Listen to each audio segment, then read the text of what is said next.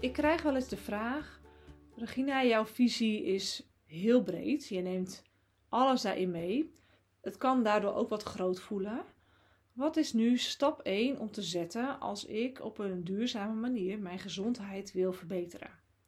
Nou, in deze aflevering wil ik je graag antwoord geven op die vraag. En ook wat stap 2 en 3 zijn. Want het zijn eigenlijk drie fases die je doorloopt binnen mijn methode om bij dat eindstation aan te komen. Een blijvende gezondheid, waar fysieke klachten opgelost zijn en waarbij jij echt lekker in je vel zit en samen kunt werken met je lijf. De eerste stap die ik zet gaat over snappen wat jouw lichaam doet en waarom het lichaam dat doet, zodat er een plan kan komen wat alles omvat om bij die oplossing te komen. En dat begint met laboratoriumonderzoek, zodat je kunt meten wat er mogelijk speelt. En daarbij zeg ik dus mogelijk speelt. Laboratoriumonderzoek is een indicatie en een hele goede bevestiging van een diagnose die ik stel als ik jou spreek. Dus op het moment dat wij met elkaar in gesprek zijn en je start binnen Coming Home of je start binnen Ultimate Temple, dan ga ik heel erg naar je luisteren. Dan ga ik zelf bepaalde systemen aan elkaar koppelen. Dan ga ik nadenken over, oké, wat kan er nu precies spelen, zowel fysiek als energetisch. En dan is laboratoriumonderzoek de bevestiging daarvan. Waarom is dat zo? Omdat laboratoriumonderzoek altijd een momentopname is. Waar je het ook doet, of je dat bij mij doet, uh, of dat je het bij een huisarts doet. Het is altijd een momentopname. En wat jij vandaag aan resultaten krijgt, morgen krijg je zeker weten iets anders. En zeker bij iets als ontlastingsonderzoek wisselt het natuurlijk best wel uh, wat je hebt gegeten, wat voor effect dat heeft op je darmflora, hoe je darmflora er ook vervolgens dan uitziet. Dus het zijn allemaal indicatoren, maar wel hele goede indicatoren die aangeven hoe het ervoor staat. Nou, met laboratoriumonderzoek werk ik zelf uh, heel breed, dus ik uh, test um, altijd een breed pakket aan, uh, aan waardes. Dus ik test vrijwel altijd ontlasting. Ik test altijd uh, bloed. En uh, soms ook urine op jodium, wat de jodiumstatus is. En als je dan kijkt naar bloed, dan ga je kijken naar vitamines, mineralen, bepaalde tekorten die er zijn, maar ook bepaalde ehm, markers, zoals bijvoorbeeld laaggradige ontstekingen of disbalans in vetzuren. En dan denk ik bijvoorbeeld aan omega-3 vetzuren. En dat zegt iets over de doorlaatbaarheid van jouw cel, hoe goed je voeding kunt opnemen in je cellen. Een heel breed pakket testen. Plus het helemaal uitvragen van wat is er allemaal in jouw leven en in jouw lichaam en in jouw bedrijf aan de hand. Hoe voel je je daarbij? Wat gebeurt er allemaal? Zodat die hele puzzel gelegd kan worden. Dus het start echt met de diagnose van het totaalplaatje. En je kunt niet zeggen: Ik heb schildklierproblemen en ik ga inzoomen op de schildklier. Nee, je moet kijken naar het hele totaalplaatje. Dat is essentieel als je een blijvende gezondheid wilt bereiken. En wat in de reguliere um, medische wereld gebeurt, is dat er specialisten zijn op bepaalde lichaamsdelen en organen. Uh, maar dat er eigenlijk een huisarts bijvoorbeeld um, veel te weinig tijd heeft. Die, die is opgeleid in, heel veel verschillende dingen. Um, maar die heeft dan veel te weinig tijd om al die verschillende dingen naast elkaar te leggen. Dus de mindset binnen de medische wereld is een orgaan is verstoord, een systeem is verstoord en daar gaan we een oplossing voor zoeken. Terwijl het nooit een, een systeem is, het zijn altijd alle systemen samen in balans met elkaar. Dus waar is het dan ontstaan en waarom doet je lichaam dat? En dat is essentieel om dat uit te zoeken. En er komt ook nog bij dat als je dan een plan van aanpak gaat maken op verstoorde systemen, regulier krijg je medicijnen. Als ik ga kijken, dan gaan we kijken en naar voeding, en naar beweging, en naar mogelijk suppletie, die diepere patronen doorbreken, zodat die cellen vanzelf weer goed kunnen gaan werken zonder medicijnen. Want medicijnen ben je vaak de rest van je leven ja, afhankelijk van, omdat je niks oplost, maar eigenlijk meer onderdrukt. Terwijl als je aan de slag gaat met voeding, suppletie. Nou, suppletie is in feite voeding, maar is heel specifieke voeding. Zodat bepaalde cellen weer beter gaan werken.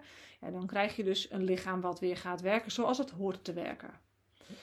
Dus stap 1 is altijd de diagnose van het totaalplaatje. En als je dat dus weet, kun je een plan van aanpak maken en daar ga je mee aan de slag. Stap 2 is dat je dieper je lijf in gaat zakken. Dat je gaat voelen, dat je gaat opruimen, dat je gaat communiceren met je lichaam. Dat is stap 2. En dat is een vaardigheid die je ontwikkelt. Dat is een, um, een proces. Dus dat is niet iets waarvan je zegt, oh, dat ga je meten. Of nee, dat is echt een proces wat je zelf gaat leren. Dat is het aanleren van vaardigheden. Dat is het, trainen, het beoefenen van bepaalde technieken. Uh, maar vooral ook gewoon het doen. Dat kan zijn op verschillende manieren. Binnen Coming Home heb ik daar verschillende lichaamswerkmethodes voor. Ik werk wel eens met opstellingen, met ademwerk, met uh, natuurlijk ook meditatie. Soms dan is het meditatie juist om dingen op te ruimen. Uh, soms is dat meditatie om gewoon even stil te staan bij je lijf. Dat, dat is heel verschillend. Er zijn heel veel verschillende manieren om dat te doen. Maar het doel moet wel altijd zijn: ik heb de intentie om opgeruimde emoties uit mijn lichaam op te, of om vastgezette, vastzetten. Nou, verspreek ik me helemaal. Ik heb de intentie om vastgezette emoties in mijn lijf op te ruimen. Dat moet je intentie zijn. Want ik heb ook wel veel gezien dat ademwerk kan zijn. Ja, het is gewoon ademwerk, wat ik heb gehoord dat het goed is. Ja, dan geef je je over aan de situatie, maar dan weet je eigenlijk niet precies wat het doet of waarom. Waar, waarom je het doet of wat er dan gebeurt. En dat zie je met healing ook best wel veel. Dat je als je bijvoorbeeld reiki doet, uh, zijn ook hele goede reiki-therapeuten, uiteraard hoor. Maar je hebt ook wel reiki-therapeuten die uh, doen, heel veel dingen voor jou opruimen. Um, maar dat jij zelf eigenlijk niet precies begrijpt wat er dan gebeurt. Ja, dan heeft het niet een functie, want jij bent degene die een les moet leren in je bewustzijn. als jouw onderbewuste, als er in je onderbewuste gewerkt wordt, moet je het wel naar je bewustzijn halen om een les te kunnen leren, zodat je de volgende keer daar niet weer uh, intuint. Hè? Dat het patroon in je bewustzijn ook kan veranderen. Daar ben jij wel voor nodig. En wat ik dan vaak zie is bij acupunctuur en dat soort uh, echt wel mooie ondersteunende therapieën, dat dat de methode is om ermee aan de slag te gaan. Maar dat je dus zelf niet in je brein begrijpt wat er gebeurt. En dan ga je dus niet iets veranderen dan heb je misschien iets uitgewist uit het verleden, maar het komt net zo hard weer terug. Want energie verdwijnt pas als jij met je bewustzijn een keus maakt om het los te laten. En dat is het moeilijkere stukje daarvan. Hoe doe je dat dan? Ja, daarin begeleid ik je natuurlijk. Ehm, maar dat heeft ook vooral te maken met iets begrijpen, iets kunnen vergeven, compassie kunnen tonen naar jezelf, naar anderen. Het is een, een, een mindset die je ontwikkelt. Het is een stukje communicatie die je ontwikkelt. En het is ook een stukje emotionele ja, ontwikkeling die je daarmee uh, doormaakt. Heel belangrijk dat je in je lichaam komt. Dat je kunt gaan voelen, kunt gaan zakken, kunt gaan staan, kunt gaan wonen in je lijf. En dat lukt dus niet als jouw lichaam nog vervuild is met allerlei energie. Of als jij niet van je lichaam houdt. Als je nu naar de spiegel kijkt en denkt, nou ik vind mijn lichaam eigenlijk helemaal niet zo leuk. Of ik baal van mijn lijf, of ik snap niks van mijn lijf ja, dan woon je dus niet in je lijf. En dan kan de frustratie groot zijn. Terwijl op het moment dat je in je lijf zit, dan voel je alleen maar vertrouwen en, en logischheid. En weet je, dingen als hypochondrie, dat verdwijnt gewoon omdat je gewoon kunt vertrouwen op je lijf. En dan bewoon je je lichaam, dan werk je er echt diep, diep, diep mee samen. Dat is de tweede stap. En de derde stap, dan ga je wat over van voelen naar vasthouden naar de toekomst toe. Dus dan ga je voor jezelf bepalen: wat wil ik nou eigenlijk? Welke bewegingsvorm past bij mij voor de lange termijn om gewoon gezond te blijven? Wat vind ik leuk om te doen? Welke activiteiten? Hoe, hoe wil ik dat mijn leven is, ingericht? Hoe ziet mijn bedrijf er idealiter uit? Dus het inrichten van jouw leven, zodat het helemaal in alignment is met jouw ziel, met je lichaam, dat is de derde stap. En vaak eh, zijn, doen we alle stappen tegelijk en door elkaar heen. Uh, maar dit is wel de volgorde waarin zo'n proces normaliter uh, zou moeten gaan. En dan is het fijn natuurlijk als je een eindstation in zicht hebt van waar wil ik dan naartoe. Maar het is ook goed om gewoon te beginnen met waar sta ik nu. En als je nu kijkt naar je lijf en je bent er niet blij mee, je voelt pijntjes, Je ziet een huid niet uh, straalt. Je hebt last van haaruitval. Je merkt dat je vermoeid bent. Je merkt dat je niet altijd zin hebt in je dag. Je merkt dat je heel erg in de actie zit en de rem niet meer weet te vinden. Je merkt dat je hoofdpijn hebt of regelmatig migraine. Als er echt fysieke klachten zijn, dan weet je, er is iets in mijn lijf wat niet gehoord of gezien wordt. En daar begint het mee. Dat bekijken, dat omdraaien, zodat je kunt gaan samenwerken met je lijf. En als je dat onder mijn begeleiding wil doen, dan ben je natuurlijk super welkom daarvoor. Plan je call dan in, dan bespreken we de mogelijkheden. Je bent ook heel welkom om naar Food for Thought te komen. Een lekker laagdrempelige lunch en learn, waarin ik je veel waarde meegeef. Je kunt ook op de pagina zien wat de ervaringen waren van de vorige editie. Waarop ik toen meteen besloot om een nieuwe editie te plannen. En een aantal mensen van de vorige editie hun kaartje meteen kochten voor de volgende editie.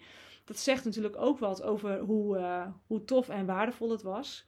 Ja, wees super welkom om er ook bij te zijn deze keer, zodat ik jou ook mee kan nemen in het voelen, in het thuiskomen bij je lijf.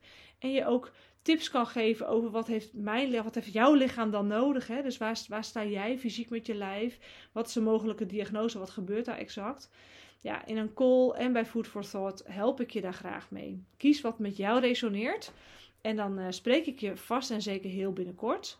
Nou, superleuk als je mijn podcast uh, wilt delen in jouw uh, stories of uh, in jouw netwerk. En daarmee ook in tagt, zodat ik ook uh, dat weer door kan delen. Zodat meer mensen kunnen gaan genieten van uh, datgene wat ik je leer over je gezondheid. En dat meer mensen dus ook de leiding kunnen gaan nemen over hun gezondheid. Heel fijn als je dat wil doen. Ik wens je voor nu een hele fijne dag en tot een volgende aflevering.